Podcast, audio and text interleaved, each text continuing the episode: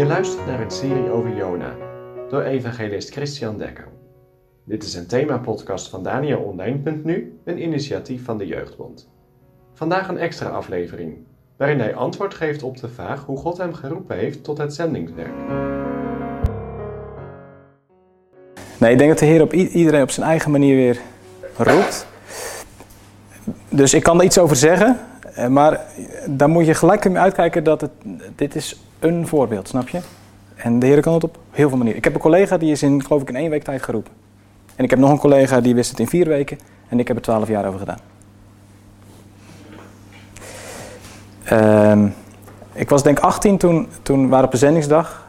Gewoon een keer naartoe gereden. Ik was er nog nooit geweest. Mijn ouders gingen ook nooit naar zendingsdagen. Ik was met mijn toenmalige vriendin, huidige vrouw, waren er naartoe.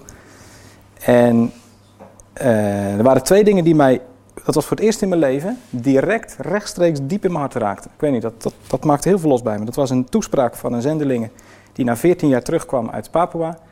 En we wisten allemaal van nou, het is gewoon even een band in Papua op dit moment. Het loopt helemaal niet lekker tussen de kerk daar en de Nederlandse kerk. Het was eigenlijk gewoon, ze ging op een heel vervelend moment weg.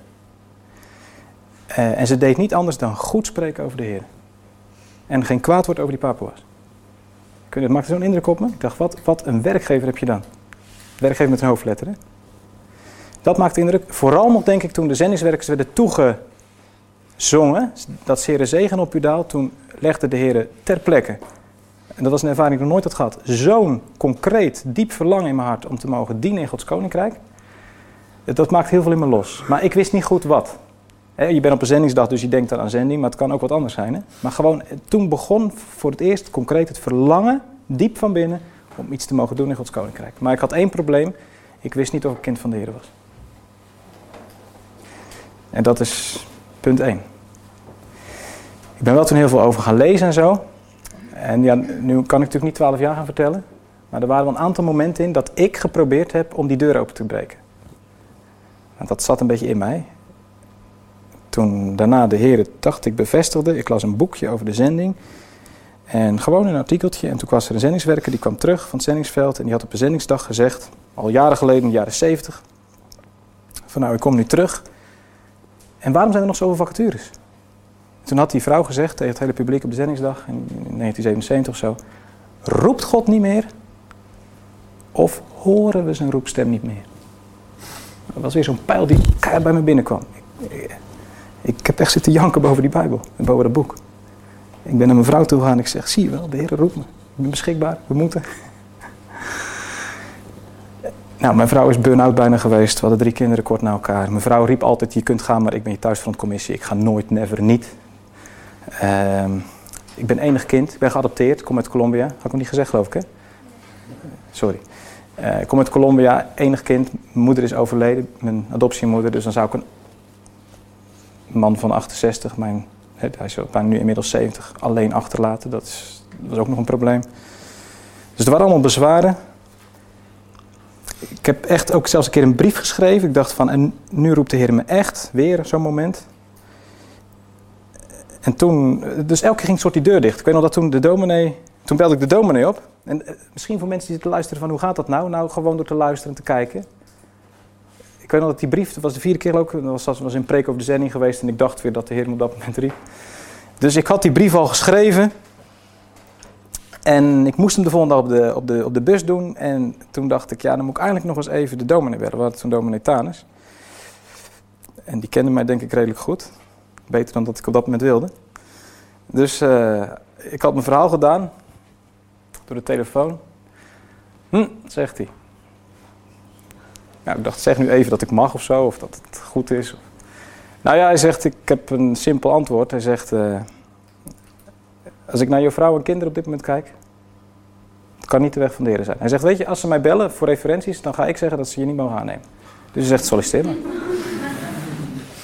ik ben toen wel heel boos geweest. maar goed, sommige, mijn karakter heeft dat denk ik nodig. Af en toe gewoon klets, deur dicht. Ik heb de brief ook niet durven sturen, want ik voelde ergens diep in mijn hart, dan kan het niet de weg van de Heer zijn, snap je? Dus dat zijn een paar van die momenten geweest. En toen kwam er een proces, toen was ik 30 inmiddels, ik was ouderling geworden, ik was godsdienstdocent en toen vond ik het eigenlijk allemaal wel prima. Snap je? De wonderboom begon te groeien. Uh, mijn vrouw was weer gezond, de kinderen waren gezond. We zaten erover denken dat ze misschien zelfs nog een dag kon gaan werken, want ze had eigenlijk tijd over. We wilden eigenlijk gaan verhuizen. Iets groter huis, iets mooier huis. Hadden iets meer financiële middelen, snap je? En ik weet nog dat ik toen dacht, nou, ik heb zelfs gezegd in mijn vrouw, als de Heer me nu roept, zou ik het toch wel een stukje lastiger vinden. Dus we gingen ons huis verkopen en ik stond uh, te schilderen in de bijkeuken. Bij de kast, tussen de deur en de kast, dat punt. En uh, ik had een lezing opgezet over de zending, dat wel. Dat dan weer wel. Maar het was niet de lezing, het was ook niet de persoon. Het was een bijbelwoord. Toen zei die man op een gegeven moment in zijn lezing en zegt... Er zijn van die mensen die blijven maar zaaien waar al lang gezaaid is. En ik moet zeggen, dat was elke dag wel een beetje mijn gevoel. Dan stond ik weer godsdienst te geven en dacht ik, ja, als ik weg ga, dan staan er vier kandidaten in de rij. Ik zeg niks nieuws meer en na mij komt er ook alweer een ander. En gelijk erachteraan zei hij, en dat was echt direct raak. Hij zei in Psalm 142 staat dat David zegt: Er is niemand die voor mijn ziel zorgt. En die mensen zijn er. Miljoenen. Er is niemand die voor mijn ziel zorgt. Nou, dat was zo'n. Dat kwam zo binnen en ik denk, waarom. Er waren momenten dat ik, ik mijn roeping bij elkaar zat te schrapen van, oh ja, dit en dat, weet je wel. En dit was een moment, jongens, dat was zo duidelijk dat ik kon zeggen: Heren, ik heb het ook hardop gezegd toen ik daar stond.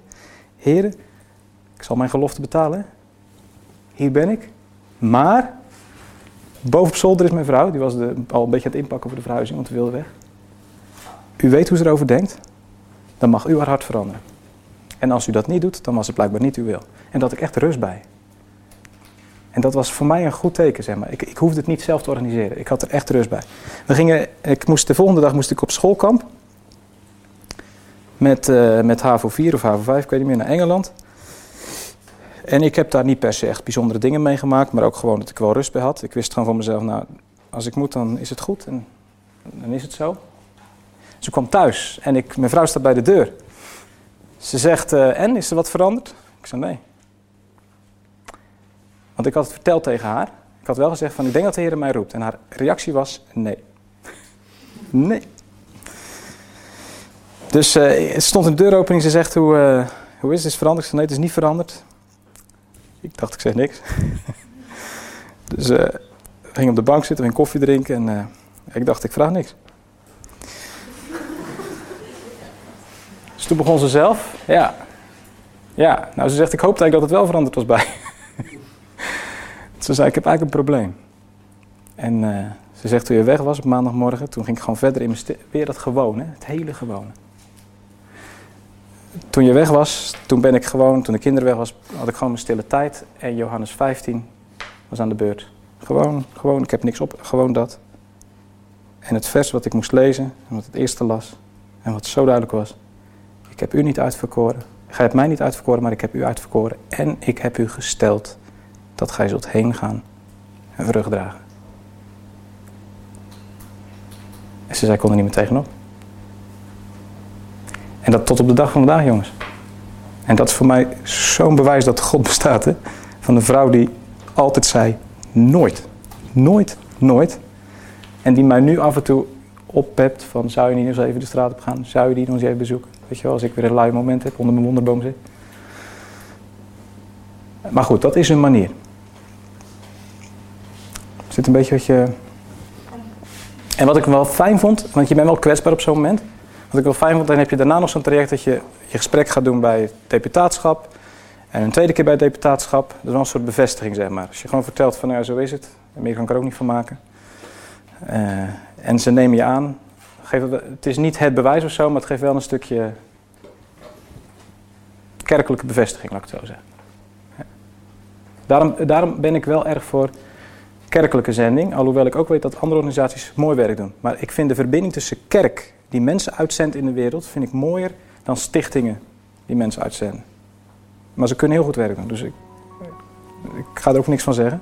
Maar het is wel de taak van de kerk eigenlijk, om mensen uit te zenden.